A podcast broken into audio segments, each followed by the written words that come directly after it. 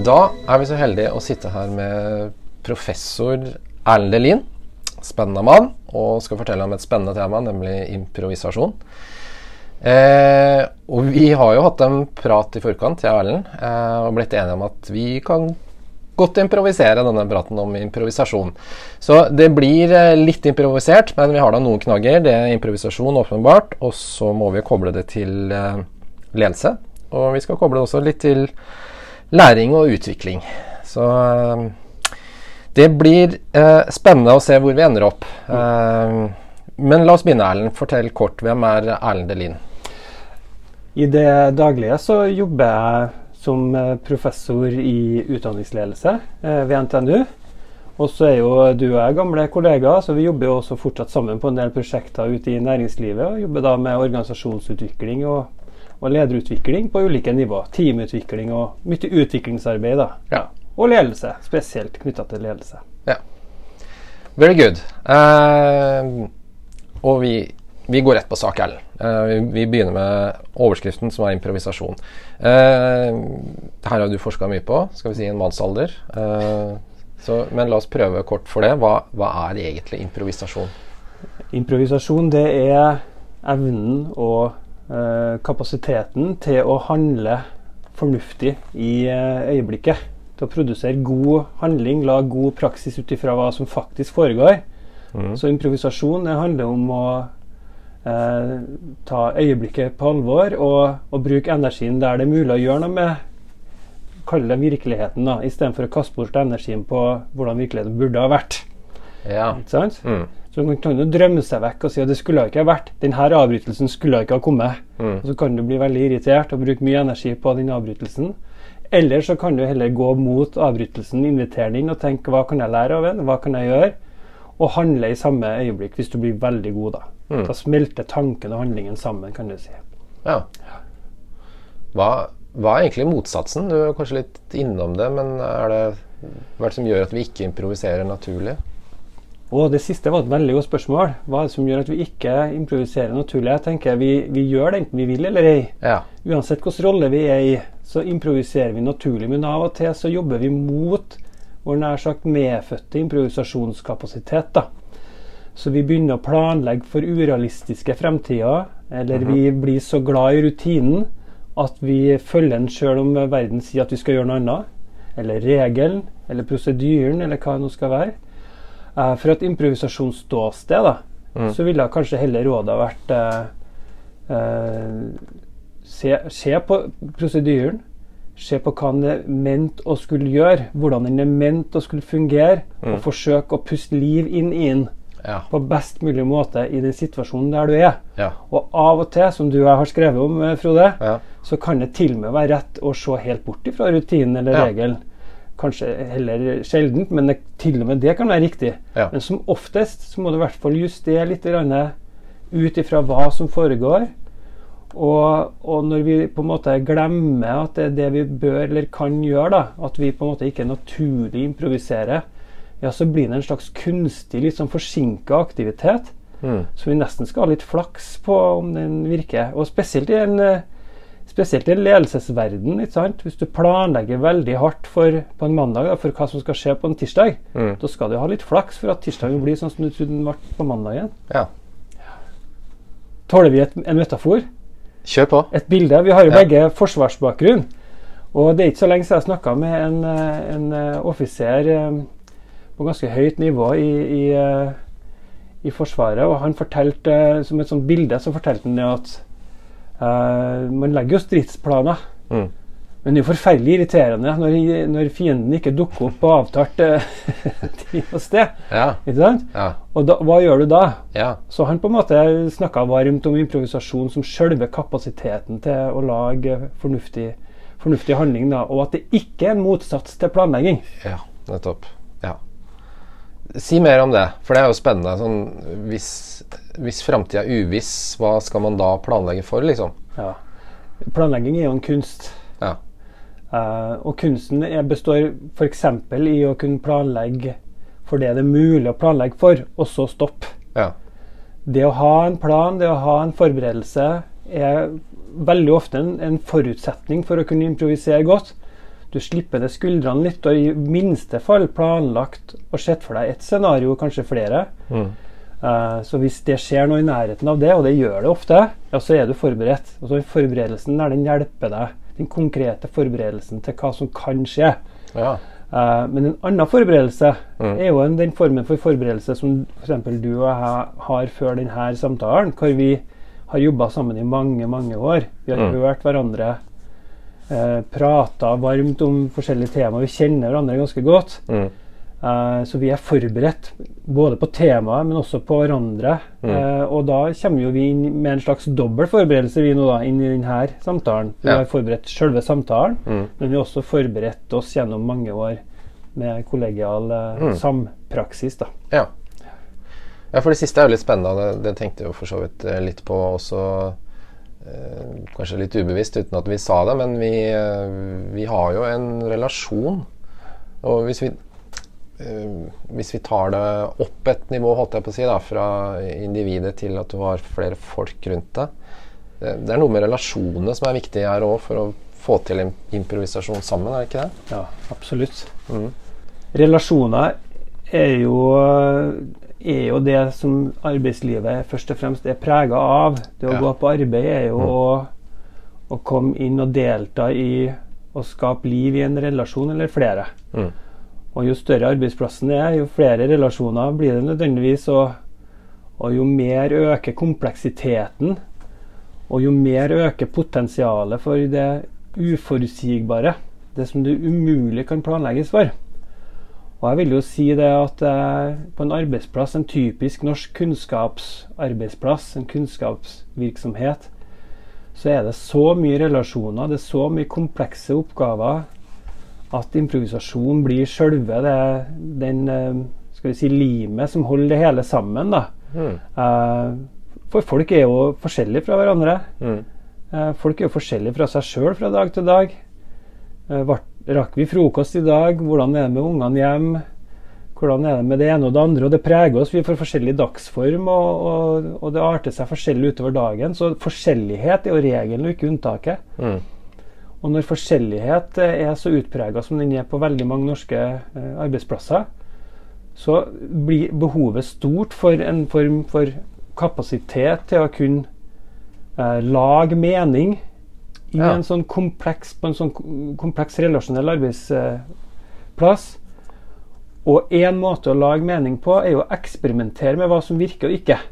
Ja. For det blir jo sjelden perfekt. Så må vi prøve å handle, prøve et eller annet. Og fortsatt er det vel sånn at så lenge vi er mennesker, så er prøving og feiling det vi lærer mest av. Mm.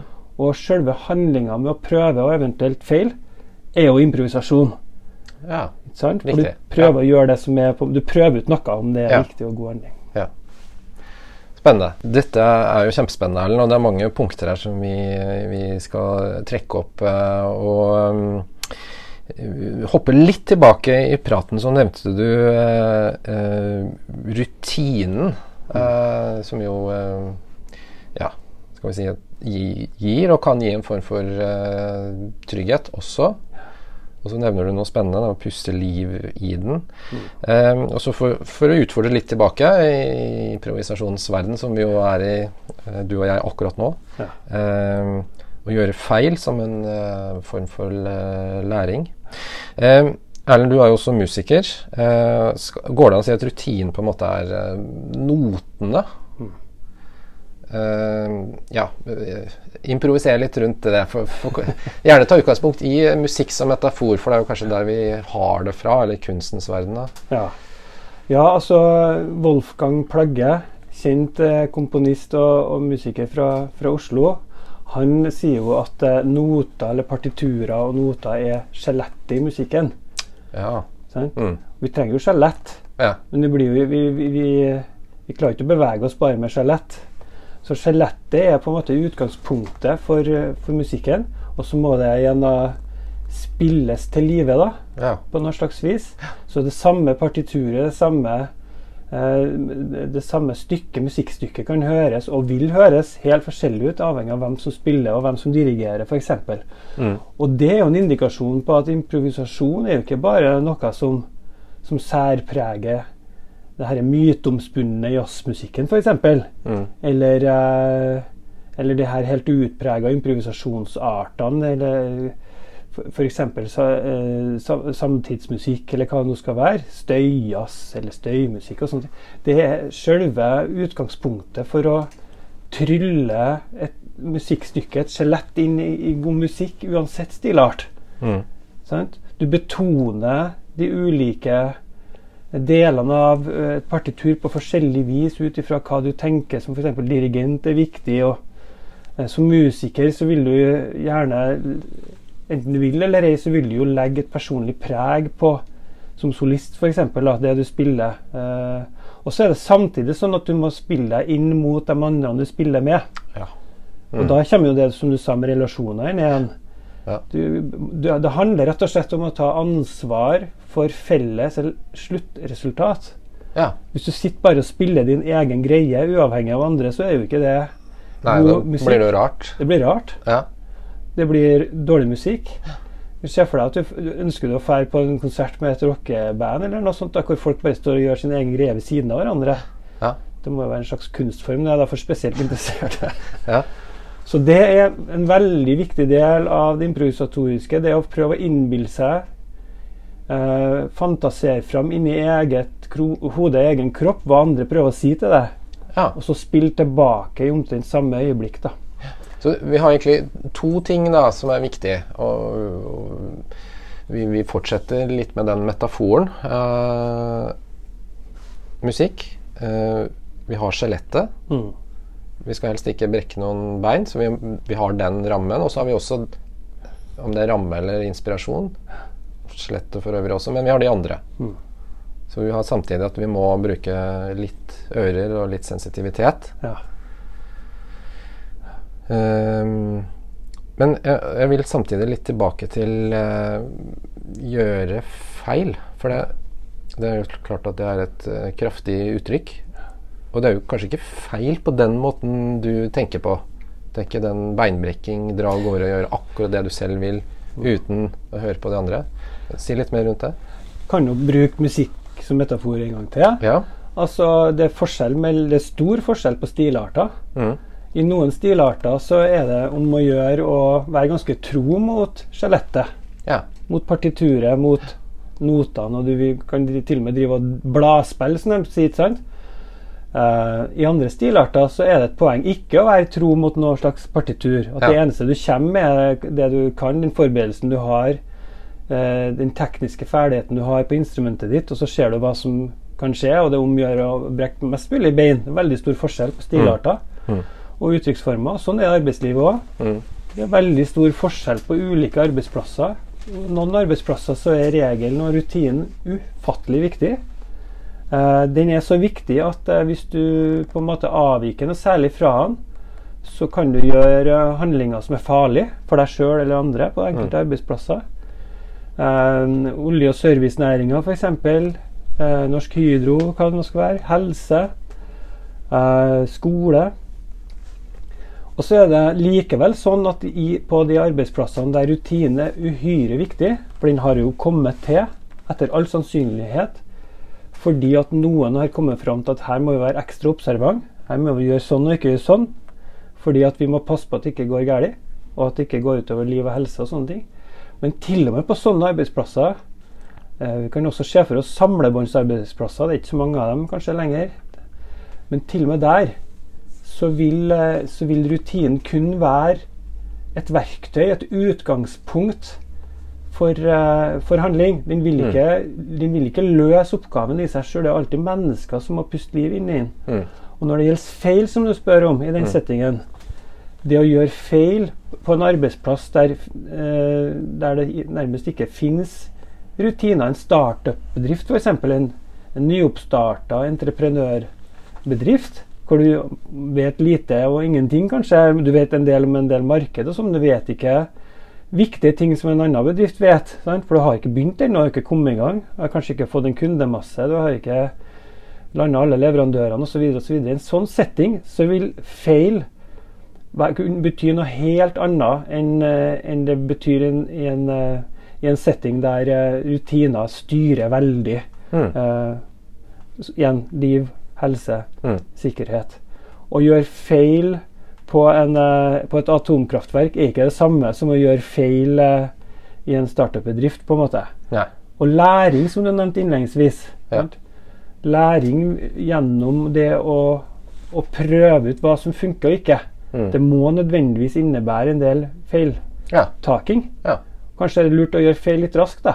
Mm. Og, og når det skjer noe som dere blir enige om, her, her var feil, ja, prøv å lære av det. Mm. Og så en siste ting om dette som jeg syns er viktig. Mm. Det finnes kanskje ledere rundt omkring i, i verden, kanskje ikke i, i Norge, men andre steder, som er veldig opptatt av at en ikke skal gjøre feil. Mm. Og nå tenker jeg uavhengig av bransje. Mm. At det på en måte blir en slags eh, ledelsesstil. Mm. At det beste arbeidstakerne dine kan gjøre i løpet av en arbeidsdag, det er å gå hjem klokka fire-fem om ettermiddagen eh, og ikke ha gjort noe feil. Og i en sånn setting så er det ikke vanskelig å se for seg at folk ikke, prøv, ikke tør å våge å eksperimentere og, og holde på med den formen for ja, organisasjonslæring som kanskje trengs for å skape utvikling. Mm. Så man skal være litt varsom med å løfte fanen 'ikke gjør feil' for høyt som leder. For da, du kan risikere å få det som du vil. Mm. Og da kan du veldig godt hende at du går glipp av en del strategiske muligheter. Da, og at du holder på ting du kan, istedenfor at du gjør det du burde gjøre. Mm. Av frykt for å gjøre feil. Til det siste du sier nå. Um, frykt for å øh, gjøre feil. Og feilordet er jo, er jo bredt, da. Og, og har mange, mange betydninger, sånn som vi hører her. Ikke minst i forhold til kontekst, hvor det er uh, viktig. Um, er, hvis vi snur på det, da, frykt for å gjøre feil ehm, Hvis vi snur det helt rundt, hva kan ledere gjøre for at folk blir eh, og det høres litt rart ut, da, men glad i å gjøre, gjøre feil. Eller tør å gjøre feil. Mm. har du noen gode lederinnspill her? Ja. La være å hogge hodet av folk første gangen de gjør en feil. Ja, først og fremst. Først og fremst. Ja. For at du, jeg tror ikke du skal gjøre det så veldig mange ganger før folk lærer. Mm. Her er ikke rom for. Uh, og hvis du er litt snar ut og gjør det likevel, så må du være vel så snar ut og beklage og si at du sjøl lærer av det som skjedde nå. Mm. Så fremt at du ønsker utvikling blant folk. Utvikling i relasjonene, strategisk utvikling for virksomheten som sådan. Um, og så er det noe om å, å når, når vi vet feiltagelser kommer, for det vet vi, Mm. uh, så er det ikke nødvendigvis sånn at du skal oppmuntre til å gjøre som mest mulig feil hele tida. Du sa det, du brukte et veldig godt ord her i sted. Kontekst. Eh, du må se an Du må forsøke å lære av den situasjonen du står i, den konteksten du står i, uansett om du er leder eller arbeidstaker. Mm. Og forsøk ut ifra det å vurdere hva som er god handling, og hva som er feil handling. Og da må jo folk våge å eksperimentere og bli kjent. Og utvikle en slags uh, sjøltillit. Ja. Også det som en kjent filosof, en død filosof, de skal jo være det. sant? Uh, Wittgenstein sier nemlig familielikhet. da. Og familielikhet det er noe så enkelt i denne settingen som å være i stand til å kjenne igjen seg i en situasjon som er ny, fordi en har vært i lignende eh, situasjoner tidligere. De ligner på hverandre sånn som en bror ligner på ei søster, Ja. rett og slett. ja. Og for å kunne skape en sånn type familielikhet, så må du ha prøvd en del. Antageligvis feila en del. Mm. Men oppmuntringa er jo ikke å feile mest mulig hele tida. Det blir en sånn rar eh, praksis, men det å våge å eksperimentere og tolerere at det blir feil, og så lære av de feilene. ja. Ikke sant? Uh, her er du inne på noe spennende som, som vi, vi har for så vidt prata om før. Jeg vet du er glad i, i, i leken. Uh, fordi barn leker jo. Og, og det du snakker om da, er jo at de, kanskje at de barn improviserer. Mm. Kan du si litt mer om det? Nå snakker vi mye metaforer, men det er forhåpentligvis forståelig for de som hører på. Ja, lek som metafor det er artig. Uh, eh, på flere vis. Um, når barn leker vi, Det er jo en stund siden du og jeg var uh, kortvokst nå, Frode, spesielt du. Men det er vet ikke om du, Hvis vi kan tenke oss litt tilbake, hvor viktig det var i leken å lage regler. Ja. Sant? Det var nesten noe av det viktigste. det, Å lage reglene, og så lage dem på nytt og lage dem på nytt. Ja. Enten for at det var artig, eller for at det var for å vinne en eh, konkurranse, eller å definere noe som inn og noe som ut. Men det er på en måte en, for veldig mange barn en stor del av leken er å definere hva som er kutyme, og hva som ikke er det. Ja. I ballspill eller det er noe- Tegneserien Tommy sant? med Tommyball, hvor det er sånne uh, veldig spesielle regler som dukker opp hele tida. Det er hele poenget, Mm. men det skal lages strukturer. Ja. Så strukturering, lek, er en, en form for strukturering ja. Uh, og, og regelmaking, men samtidig så er det lystbetont. Ja, ikke sant. Mm. For det er jo lek. For det er lek. Ja. Ja. Det er jo ingen leker som ikke er gøy. Nei, det, Nei men hjernen, hjernen har vanskelig for å gjøre noe annet enn å lage struktur. Ja. Det er jo det hjernen gjør, ikke sant? Og, og, og regel er en, et eksempel på en sånn struktur. Så det skal veldig mye til for at du slipper løs mennesker på en arbeidsplass f.eks., og så blir det bare rent kaos. Det tror jeg aldri har opplevd. Mm. Så det er noe med det òg som leder å kunne stole på at struktur det vil oppstå, selv om at det kanskje noen gang trenger litt mer tid, og kanskje ja.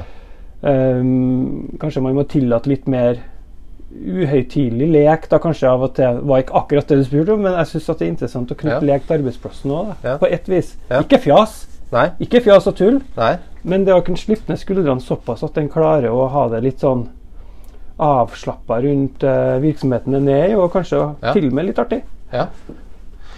Uh, jeg har jo lekt meg litt med den samme metaforen selv, og, og igjen så er det jo veldig knytta til uh, kontekst, åpenbart. La oss ta den kanskje mest sånn rutineprega, eller da sånn øh, strukturert eller mest rammeprega konteksten. Eh, altså da en høysikkerhetsorganisasjon, en oljeplattform hvor alt er regulert. Eh, som jeg ser for Som jeg har lekt meg med en metafor som en form for gjerde, som man kan slippe løs innafor gjerdet. Litt dårlig barneoppdragelse, kanskje, men eh, Men er, det noe der? For hvis vi utfordrer deg litt på det, da altså, Og det jeg tror du sier også, er at selv i de mest regulerte kontekstene, da, så bør det være rom for å leke. Er det noe der? Ja. eh, jeg tror sånn umiddelbart vil svaret være ja, og jeg tror det handler om dømmekraft. Mm. Det at det er behov for mennesker på den riggen, Mm. Er et tegn på at det trengs eh, menneskelig dømmekraft som kan skape handlekraft. Ikke sant? Ja. Ja. Den dømmekrafta trengs fordi at eh, det finnes ikke det verktøy i verden som gjør jobben helt alene. Mm. Jeg kjøpte meg sånn, eh, For noen år siden så kjøpte jeg meg en sånn Power Tools-bag, Makita. Sant? Ja. For at jeg skulle lage meg veranda. Mm. For det hadde naboen gjort. Mm. Og, jeg, og det ble jo veranda med en gang for naboen. Med den samme Makita-bagen så kjøpte jeg den. Og Den kom i mai, og i august hadde det fortsatt ikke blitt noe veranda. Og det var jo veldig rart, for jeg hadde jo samme verktøyet. Da skjønte Mm. jeg jo det at det er jo fordi at jeg, jeg må jo til. Jeg må gjøre noe, jeg òg. sånn er det vel på oljerigg òg. Ja. Grunnen, det er en grunn til at de, grunn til at regelen er der, og det er en grunn til at det er folk som jobber der. Ja. Uh, og de som jobber der, må være i stand til å utvikle sammen og være for seg, dømme og handlekraft. Og av og til så vil nok det Det er kanskje lek i overført betydning, da, men av og til så må nok kanskje det innebære at man er i stand til å trekke seg litt unna alvoret der man står. Mm. Såpass at en klarer å, å tenke litt sånn klart rundt hva, hvilken type oppgaver er det som skal utføres her. Eh, hvordan klarer vi å, å stadig bidra til bedre systemer? ja. For noen, Mm. bedre, noen, noen som er i be, særlig bedre stand til å utbedre og forbedre Drive med kvalitetsarbeid, rett og slett. Forbedringsarbeid. Enn folk som står og gjør de arbeidsoppgavene, skal man jo litt etter ganske Mm. lenge, tror jeg. Ja. Så noe med at ingen system er perfekt, men de kan bli stadig bedre. Og da er det lurt at uh, de som jobber med dem, våger og, og vet at, de, at det er eh, verdsatt. At man kommer Ja. med tips og ja. Ja. For, for å utfordre deg litt, da, Erlend, og, og kanskje vi kan bruke musikkmetafor eh, her også. I hvert fall eh, la oss si vanlig tradisjonell jazz. Klassisk, ikke så mye improvisasjon. Men vanlig jazz så har man jo kanskje et stykke først hvor man eh, holder seg til notene, for å si det sånn, og så kanskje improvisasjon. Hvis vi tar over i en, en rigg, da. Eh, går det an å høre deg dit hen at eh, Eller hvis vi bruker den metaforen, at du når du står midt oppi det, så er det kanskje ikke da du prøver ut de aller nyeste tingene og prøver den nye forbedringa, men i kvalitetsarbeidet, som du sier. Men da er vi, da er vi ikke i selve boringa, da er vi i en annen, Mm. et annet rom, en annen arena. Er det, er det noe der, kanskje? Ja, altså, jeg har aldri vært på en oljerigg, så jeg skal være veldig forsiktig med å Vi kan bruke andre, andre plasser òg. Men jeg tror jeg, men som metafor, da, eller som et bilde eller et eksempel, så, så syns jeg det er godt. Og eh, igjen, i, i, i, stundens hete, da, Mm. Um, som kan være ganske intens, men kan være mindre intens, så er jo den riggen, vil jeg anta, avhengig av at folk vet hva de skal gjøre, Mm. og er i stand til å utføre det. Mm. Og eh, tilsynelatende så kan en situasjon være fryktelig lik en annen en. Mm. Men det er mennesker som står der og utfører arbeidsoppgaven. De må være årvåken. Eh, de må være årvåken. De, typisk vil jeg anta i den industrien der at det er så mye drill og så mye øving at en må være årvåken på egen drill. Sånn at en klarer å ta inn over seg hvis det er noe som ikke er akkurat sånn som det skal være. Kanskje det kan skurre litt, kanskje det er noe som er litt feilmontert. Kanskje det er noen standarder som ikke går sammen. Et eller annet. Du får med deg det. Og, så du, du, på en måte Punkt én, du må kan oppgavene. Du må ha drill på plass. Uh, og det å utføre dem vil være en form for improvisasjonskunst uansett. For det er en slags praktisk klokskap og Mm. ferdighet som går inn i det der, som alltid er litt forskjellig. Ja. Og så må du også ha en slags uh, oppmerksomhet retta til din egen drill. uh, som også er en slags improvisasjonskapasitet. Da, at, du, at du på en måte har hjernekraft nok til å se hva som foregår rundt deg, Mm. og i arbeidsoppgaven. Mm. Eller at det kan være en på arbeidslaget ditt som er litt sliten i dag, eller et eller annet, noe som skurrer, et eller annet som gjør Og da må du kun greiene så godt at du er i stand til å, eh, å lese situasjonen sånn som den er. Og det er jo ren improvisasjon, til og med i en sånn setting. Ja. Så det er ikke så mye snakk om kanskje mer eller mindre improvisasjon, men ulike former for. Ja. Og mer eller mindre rein, kanskje, da. Ja. Sant? Mm. Men det å puste liv inn i hvilken som helst prosedyre eller verktøy, eller hva det nå skal være, både i konkret og overført betydning, er for min del, og i Mm. min forskning, det ser jeg på som Mm. improvisasjon. Ikke sant. Ja, fordi alt er egentlig litt grann ulikt. Ja. Uh, ja.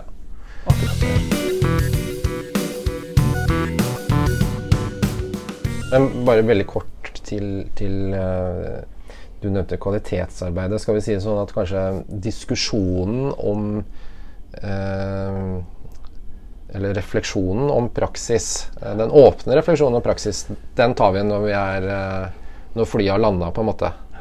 Kanskje noe der. Ja, og debrifing Ja.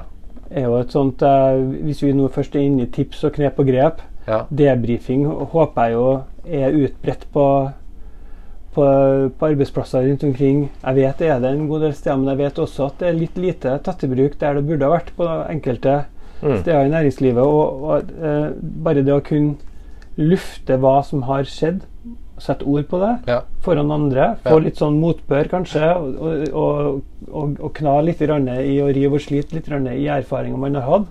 Hva gikk bra, hva gikk dårlig? Eh, det å institusjonalisere det, da, for å bruke et sånn fintrøndersk ord, Mm. altså det å gjøre det til en struktur, Ja.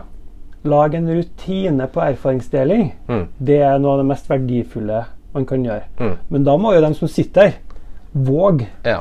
å åpne for det som har skjedd. For hvis du har en slags sånn Hvis man er så redd for å ikke gjøre feil at man dekker over egne feil, så vil jo ikke en sånn eh, debrifing nødvendigvis bidra til noe, til noe særlig annet enn å bare forsterke en frykt eller noe sånt. Nei, ikke sant. Så det henger veldig sammen med kultur, det her, da. Sant? Og ledere har stort ansvar for å lage en læringskultur, en delingskultur. Uh, og som sagt, du skal ikke hugge hodet av veldig mange før folk lærer. Mm. Og da skal du gjøre ganske mye arbeid for å rette opp i det i ettertid igjen, hvis du har på en måte vært for brå. Eh, så det å jobbe kontinuerlig da med at folk våger å gjøre jobben sin, Mm. og hvis noe går galt, så våger de også å fortelle om det. Og man våger også eh, å i selve situasjonen da, på en måte å, å si at 'herre her kan ikke jeg'. Herre, Mm. her, her trenger jeg hjelp. Ja. Bare noe så enkelt som det. Um, og så vil jo det variere. Ikke sant? Og, men alt det der er en form for improvisasjonskunst. da. Ja. Mm. Ja, og det er jo litt spennende. Du, du, du er jo litt innom det. Um, og um, spørsmålet er enkelt, eh, eventuelt kanskje vanskelig. Um, kan eller bør man planlegge improvisasjon? Igjen, eh, det er et veldig godt spørsmål. da. Jeg er enig med deg, det er både enkelt og vanskelig. det. Igjen så er det, handler det om eh, ordet du brukte, kontekst. Ja. Eh, jeg, jeg tror det skal, som en regel, så tror jeg det skal veldig mye til for at en ikke skal forsøke å planlegge og forberede et eller annet. Mm. Så er det dessverre sånn, dessverre i hermetegn, at uh, vi drar rundt og slukker branner. Mm. Mm. En form for branner er jo sånn at Å ja, samme brann nå ja, denne uka her, ja, på akkurat samme tidspunkt som forrige Mm. uke. Det var Mm. snedig. Mm. Den type branner er det er utilgivelig ikke å lage en rutine for. Mm. For dem skal det være mulig å legge inn og forberede seg på litt mer systematisk. Så har den andre formen for brann som dukker opp på, eh, som bare kommer så uventa og uønska. Mm. Eh, og da bør du ha en improvisasjonskapasitet for å takle sånne branner. Og da er jo rett og slett brannen i seg sjøl, eller brannslukkinga, er jo tegn på at du trengs. Ja. Ikke sant? Så når det dukker opp branner, så skal jo han klappe seg litt. Man kan ikke bli stressa over det. Man må klappe seg litt på skuldra. Ah, her er det behov for meg. Mm. For min dømmekraft og for min handlekraft og for min improvisasjonsevne. Mm. Um, Ja, ja fordi um, Igjen det er jo veldig knytta til kontekst, men det vi, det vi kanskje ligger under det vi ikke eksplisitt sier, er at man kan ta lærdom fra andre kontekster over i, i, i sin egen, da. Eh, og vi Når du nevner brann, så, så tenker jeg sånn uh, et annet sånn, uh, en annen kontekst. Det, kan vi, det er det jeg skal prøve å spille opp til litt nå. da, eh, Sykehus. eh, Hvor man jo på en måte har planlagt og strukturert. Man har de planlagte operasjonene, og så har man en beredskapskapasitet for ting som man ikke helt vet hva er, og hva som skal skje. Eh, Det er vanskelig kanskje, men nå har vi jo en improvisasjonsekspert her eh, til å si noe om det. Er det. Går det an i det hele tatt å tenke sånn i andre bransjer? At man setter av på en måte tid og rom for å ha noe helt åpent? Altså Det er en del kapasitet som åpenbart da må frigjøres. Ja, det er et veldig godt poeng. Uh, og det, det, hva, hva bør man sette av egen tid til å improvisere på et vis, på å lære seg det? Ikke sant? Ja. Og Det kan jo være riktig i enkelte settinger. Men hvis det er sånn at hvis, hvis vi to nå, i hvert fall som foreløpig, kan være enige om at improvisasjon er uunngåelig, Mm. for at alle situasjoner er nye uansett, Mm. og, og den mest strenge strukturen og arbeidsoppgaven, nær sagt regelorienterte arbeidsoppgaven, må likevel pustes liv inn i av en, av en klok praktiker. Mm. Ja, så, er jo, så er jo improvisasjon er jo da regelen og ikke unntaket. Og hvis det er på en måte en sånn grunnsville, da, så vil jeg tenke at improvisasjon er ikke noe du skal jobbe med av og til. Det er, en jevn, det er et jevnt, tålmodig arbeid med å skape et tillitsforhold hvor folk våger øh, å eksperimentere, litt avhengig av hvilken type setting det er. På et sykehus så er det kanskje mindre rom for å eksperimentere av og til. Mm. Um, men, men arbeids, jeg har jo sjøl forska en god del på sykehus, og, og det er jo en ekstremt stor spennvidde mellom ulike oppgaver på et sykehus. Fra de mest strukturerte til ren, ren kreativ kunst, altså, Mm. etter, etter min oppfatning. Men, men til felles godt håndverk over det hele. Det er kunnskapsarbeidsplasser, men det er håndverk. Så øh, og, og skreddersøm. Pasientbehandling er jo skreddersøm, for det er jo ikke en pasient som er lik en annen igjen, på et vis. Så det er skreddersøm, og det å lage god skreddersøm, det er improvisasjon. Og i så fall så burde jeg bare nok, og så kanskje øh, er det nok som en start, bare begynne å, å tillate seg sjøl å tenke litt over hvordan hvordan jobber vi som kultur, som team, eh, som avdeling eller seksjon med å utvikle tillit og kjennskap mellom oss på en sånn måte at vi klarer å, å, å praktisere godt sammen. sant? Hvordan debrifer vi? Hvordan støtter vi hverandre? Mm. Hva gjør vi når, når noen gjør en feil? Eh, hva sier vi da? Hva er lederansvaret i det? Hvordan øver vi? Sant? Øver vi godt på arbeidsoppgavene? Trener vi? For det er jo, en- det er jo nøkkel improvisasjon. Du må kunne greiene dine. En forutsetning at du er dyktig for, for å kunne improvisere godt. Alle kan improvisere, men jo bedre du kan det du skal gjøre, jo bedre vil jo høyere kvalitet vil improvisasjonen holde. Mm. Og da blir, jo, blir det jo en åpenbar utfordring. Hvordan inkorporerer vi læring av hverandre og, og hver for oss på en sånn måte at improvisasjonsevnen går opp? Mm. Uh, og, og da er det ikke noe klart svar som vil gjelde alle på samme måte, for det er så stor spennvidde. Men i, i alle fall diskutere en del sånne ting, og, så, og tenke over det. Og lage noen sånne gode eh, men, mentorordninger, onboarding-systemer, sånne ting. Og, og rett og slett gode møteplasser for kollektiv læring. Mm. Ett konkret grep, f.eks. Mm. Hvis du er så heldig, og det er jo om du er på et sykehus eller om du, hvor det nå enn er eh, Hvis du er så heldig som leder at du er i stand til å samle folkene dine og ha dem sammen med deg, enten fysisk eller på Teams eller Zoom eller hva det nå er, Mm. så så ofte ikke kast bort den tida på å dele ut informasjon du ellers kunne ha bare sendt ut på e-post eller lagt ut på en eller annen eh, infoside. Mm. Da må du heller bruke tid på å la folk bli kjent med hverandre gjennom å gjøre noe i lag. Ja. Samskapt læring. Mm. Det å la folk få En ting er å bli enige om noe rundt et skrivebord. Ja, sånn skal vi gjøre det. Ja. Det er ganske vanskelig, men det går Ja. ofte. Men, den, men når man skal ut og gjøre noe i lag, Ja. praktisere noe i lag Å ja, du vil planlegge først, du. Ja. Sant, ja. Jeg vil jo helst bare gjøre det uten å planlegge for mye. Og når det, når det, når det der begynner å lage litt sånn friksjon, da, Ja. sant? da er det ikke så lett å lage felles forståelse. Nei. Men da blir jo det en, eh, en kjempeviktig lederoppgave å, å legge til rette for at folk klarer å lære sammen gjennom å praktisere. Ikke bare snakke sammen, men å praktisere. Ja. Så dyrebar fellestid, Ja. bruk det på å, å gjøre noe sammen. Ja. Sånn at Bli kjent med hvordan en reagerer. Og det er, der er veldig mye kompleksitet. Igjen tilbake til det du begynte med med relasjoner. Ja. Det, det er jo spennende poeng, fordi eh, å, å gjøre noe sammen, da, og, og gitt dagens overskrift, så sier du kanskje også improvisere sammen? og Teste ut sammen? Uh, ja. Prøve ut sammen? Prøv, ja, prøve ut.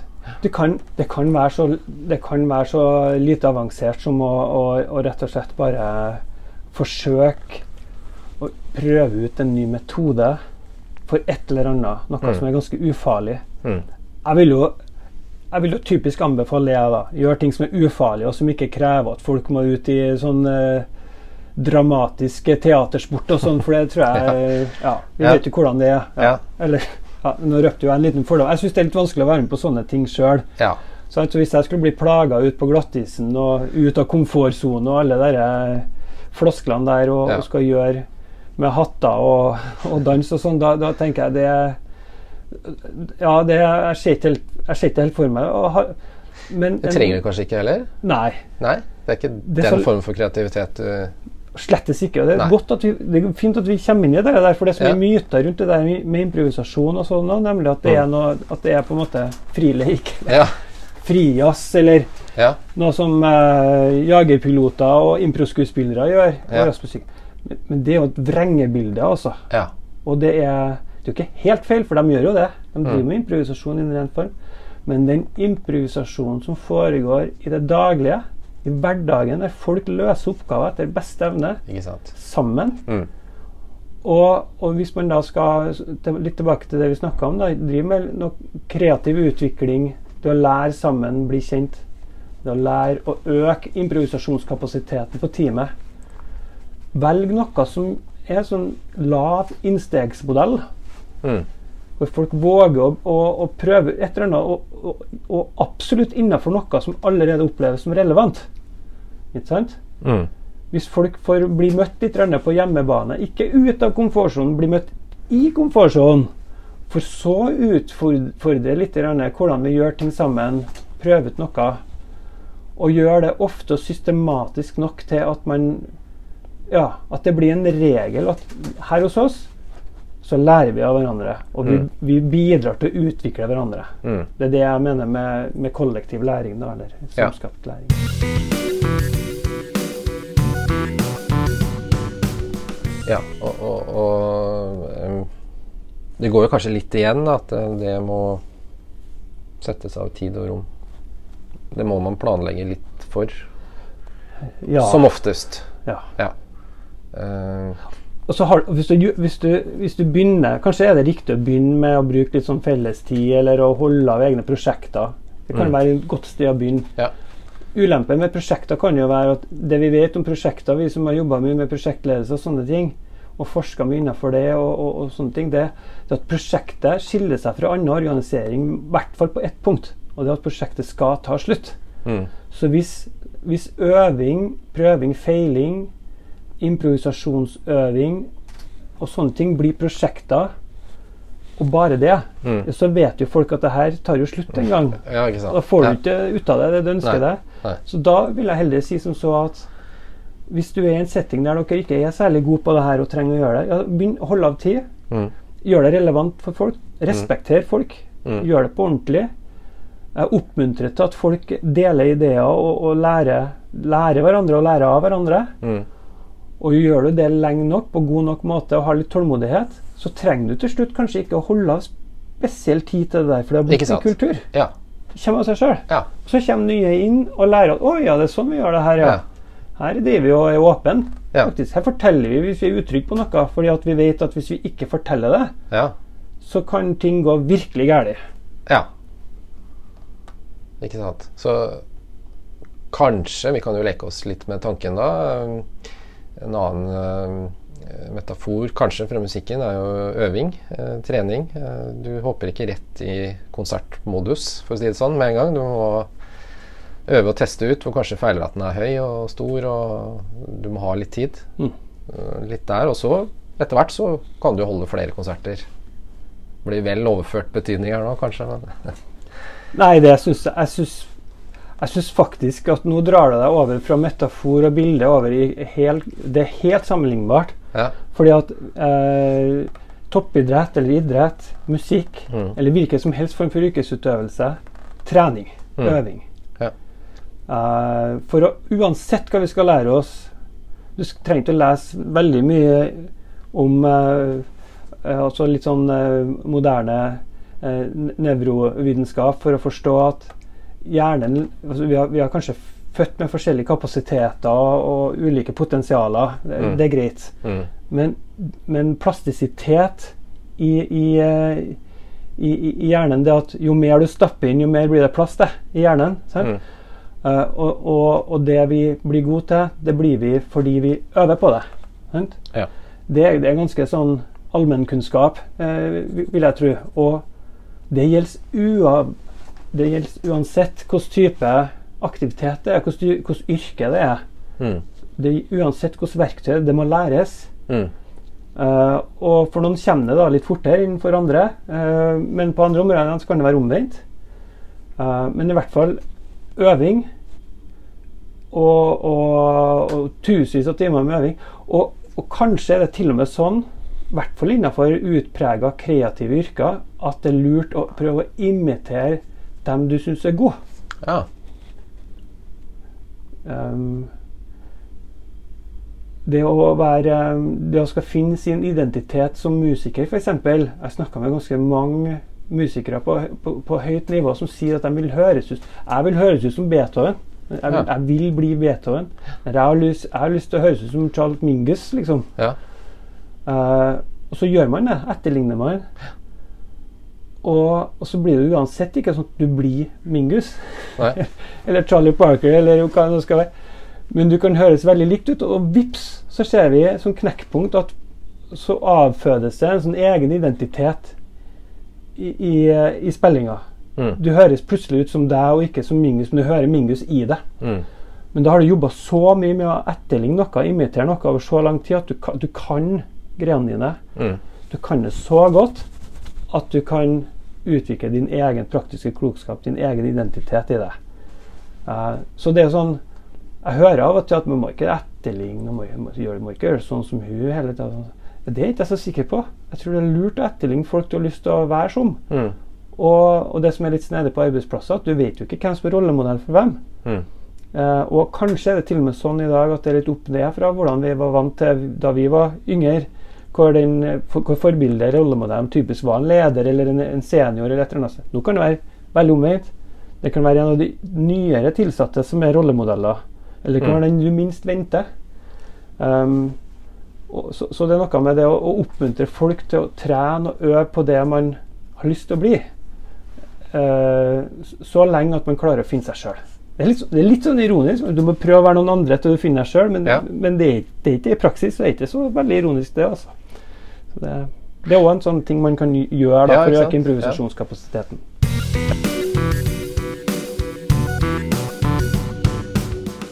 Ja, fordi jeg tenker, altså Du nevner jo Mingus. Han er jo sitert på at uh, you can't improvise on uh, nothing. Um, altså Du må ha et eller annet i bånn for å uh, improvisere. Litt sånn som vi har snakka om, som jeg er veldig, veldig glad for at du, du slår i hjel kanskje noen myter. da. Uh, uh, du har snakka om viktigheten av improvisasjon. Det betyr ikke at du skal møte opp hver dag og være, finne opp uh, arbeidsdagen helt på nytt. Eh, og du har snakka om eh, kreativitet. Det betyr ikke at du skal gi deg kast med frijazz eller mm. improvisasjonsteater. Men det er kobla til det du gjør, og det du kan. Ja. Eh, veldig fin påpekning. Og så sier du um, at um, alle situasjoner er nye. Og, og hvis vi hører deg rett, da, så sier ikke du at det er en sånn form for eh, stadfesting av hvordan verden er, men det handler om holdning. Ja. Ja, Nysgjerrighet, årvåkenhet. For det motsatte er jo at du veit akkurat hva som kommer til å skje. Mm. Det er noe der, kanskje? Det, Og det er nydelig. Det, det er absolutt der. Og det, det er nydelig fordi at er- det her hadde ikke vi, det her har ikke vi avtalt å snakke om. Det Nei, som kommer nei, nå. det. Så jeg kjenner en sånn uh, glede over at vi, vi, vi ramla inn på det temaet. For jeg tror at et av de aller største problemene både, for, uh, både innenfor strategi og ledelse Nesten sånn Hva er nå den forskjellen når, vi koker, når det koker ned, når det koker ned til alt?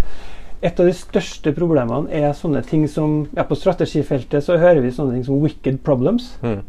Eller usikkerhet, uncertainty. Eller unk-unk. Unknown unknowns.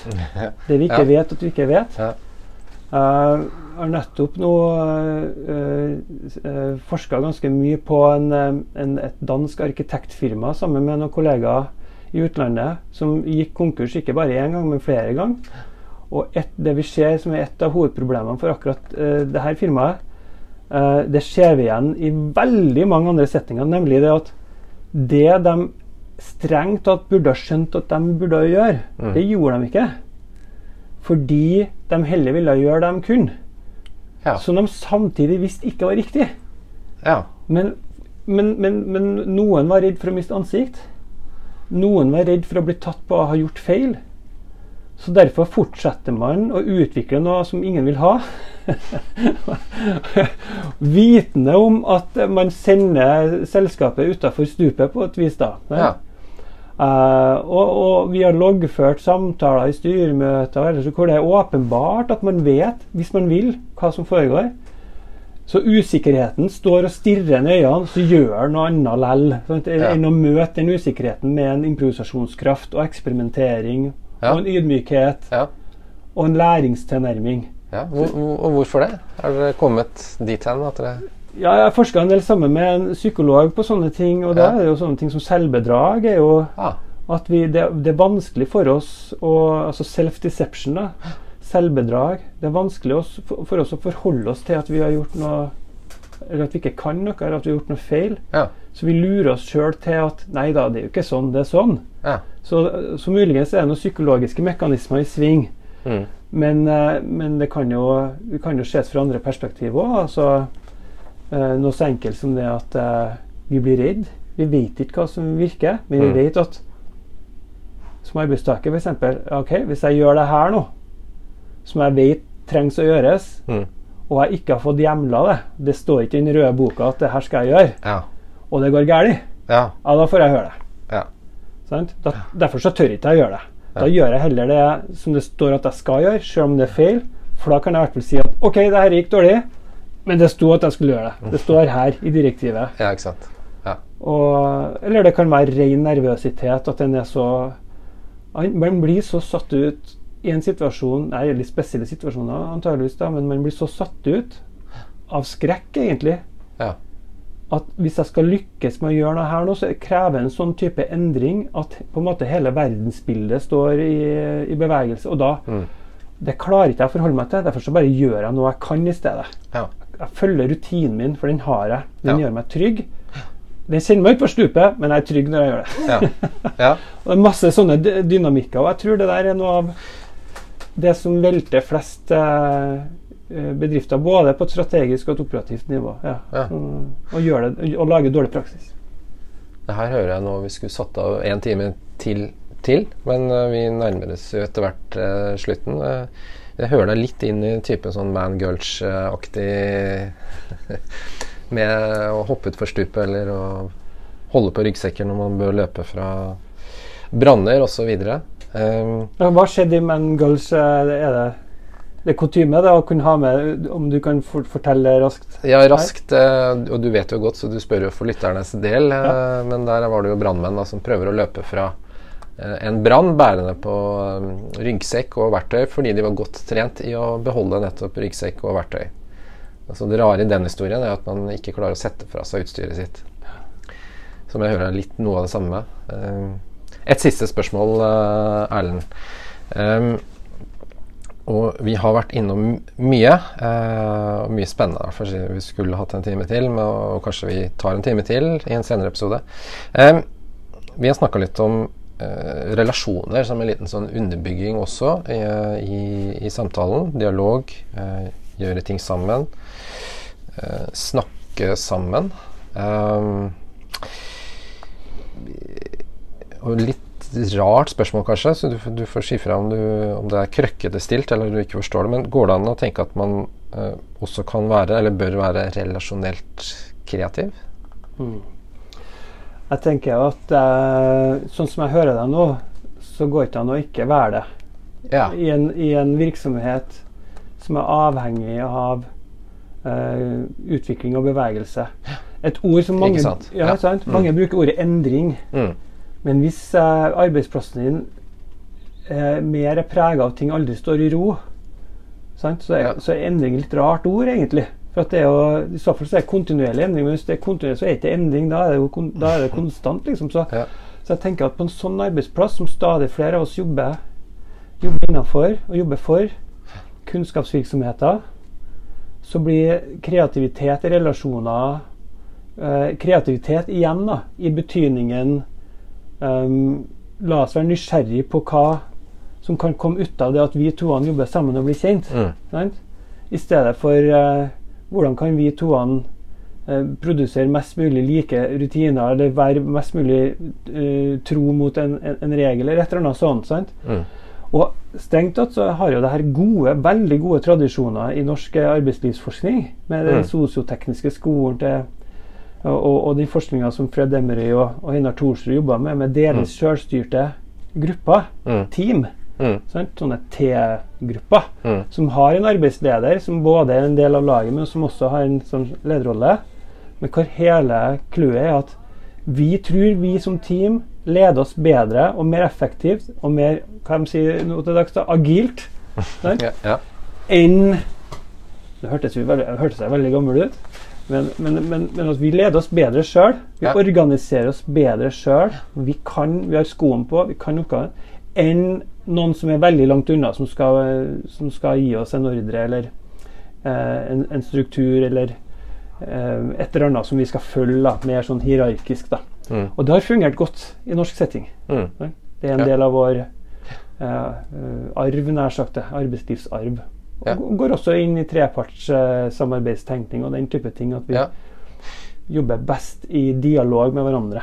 Ja, ikke sant. Det er jo artig at du nevner det, for det kommer jo inn eh, nye ord fra utlandet. og så er det faktisk noe vi har holdt på med en stund, og kanskje er glad i å holde på med òg. Nettopp. Ja. Det var det som var poenget mitt. Ja. Vi, vi er jo unge og friske, Frode. Ja, ja vi, er, vi er jo det. Um, og litt kanskje til, tilhørerens uh, eh, behov for å tolke, kanskje, da. Men eh, jeg liker å høre deg dit hen at eh, vi har snakka om kreativitet som, som noe eh, Det må være en trygghet, eh, både i deg selv og det du gjør. Eh, nysgjerrighet, eh, årvåkenhet, eh, teste ut, få bekreftelse. eh, Kanskje til og med prate om. Og overført i relasjonell betydning så handler jo det om måten man kommuniserer på. Ja, vi tester litt ut. Eh, og igjen, for å, vi må ha med motsatsen for å høre hvor viktig det egentlig er. Så motsatsen er jo at det er dønn kjedelig. Jeg veit akkurat hva jeg får. Uh, alt er klin likt. Eh, det er noe der. Det er to helt forskjellige energinivåer, i hvert fall, tenker jeg. Ja, absolutt. Og så er det noe med dårlig energi òg. En ting er jo god energi, og så er det kjedelig energi. Så har du dårlig energi. Ja. Og der tror jeg veldig mange eh, I min erfaring, jeg får jo besøk, jeg er jo på besøk i veldig mange forskjellige virksomheter, både i offentlig og privat Ja. næringsliv. Og, og det å bli flinkere på å tåle andres dårlige følelser Ja. og det kan være så rart. Mangt, mener jeg. Det kan være alt fra at folk har litt dårlig sjøltillit på noe, eller blir bli terga av å gjøre noe sånt, eller vil helst være i fred på noe. Alt mulig rart kan det være. Noen som er uenig i hva det nå enn er. Ja. Og hvis vi er så redd for å tråkke hverandre på tærne, eller blir redd for hverandres dårlige følelser, at vi lar være å utfordre hverandre, da. Og, og der er kanskje noe så kun Er det noe så farlig om noen er litt dårlig humør? Ja, eller, om, ja. eller som ledere, da. 'Å ja, hun får jeg motstand fra.' Ja, Ja. så fint. Ja, men det må vi prøve å lære litt av. Ja. Det er så farlig, da. Uh, og følelser er jo ikke farlig. Nei. Helt omvendt. Ja. De er jo tegn på noe. Da har du litt energi. Da har du litt energi. Ja. du, skal ikke, du gjør ikke narr av det å ha, Nei, nei. Å ha angst eller yte motstand eller hva det nå skulle være. Men det å forsøke å møte med en slags nysgjerrighet Hvis ikke så tror jeg det fort blir en dynamikk som reproduserer stadig dårligere Ja. eh, følelser, dårligere klima Ja. og, og, og mindre energi. da. Ja. ja. Og nummenhet og tilbaketrekning, det er jo verste du kan ha, vel, egentlig. Ja. Ja. Og da er det ikke kamp lenger heller. Nei. Da har folk slutta. Det er jo det som er død. Ja. Ja. ja, uff da. Skal vi slutte med det? Nei, vi skal ikke slutte med det. Uh, og det er bra du sier det. Vi, vi har vært gjennom en spennende prat, uh, Erlend. Uh, du spiller jo opp en episode to, nesten. det kan vi jo snakkes om etter at vi avslutter samtalen, for vi skal selvfølgelig avslutte med ja, vi pleier å kalle det litt bevinget ord, da. Eller eh, gode råd, tips. Du har vært, vært litt innom det underveis der. Men uh, Erlend, hvis du vil gi én eller to gode råd, tips, eh, eller for så vidt bevingete ord til uh, tilhørerne som er interessert i fortrinnsvis å bli gode ledere, eller god til å improvisere, vær så god. Ja, uavhengig om du er leder eller ikke, om du har en formell lederrolle eller ikke, så kan Mm. du jo uh, være en leder eller forbilde for andre. Og det, Ja. er, det er de aller fleste, kanskje, altså, på et vis. Så hvis ikke du våger å lære av egne uh, handlinger på godt og vondt, uh, og åpne rundt det og ufarliggjøre det, hvorfor skal andre som lar seg inspirere av deg, våge å gjøre det samme? Ikke sant. Veldig bra. Så det du sier, stol på deg selv, bli et forbilde. eh, og begynn med deg selv i, i jobben med å lage en improvisasjonskultur. Ja. Du kan jo ikke endre andre, du kan kun eh, ta tak i deg sjøl. Veldig bra. Da tror jeg vi sier tusen takk, eh, Erlend Elin. Takk skal du ha. Ha det bra og vel hjem. Takk for at jeg fikk komme.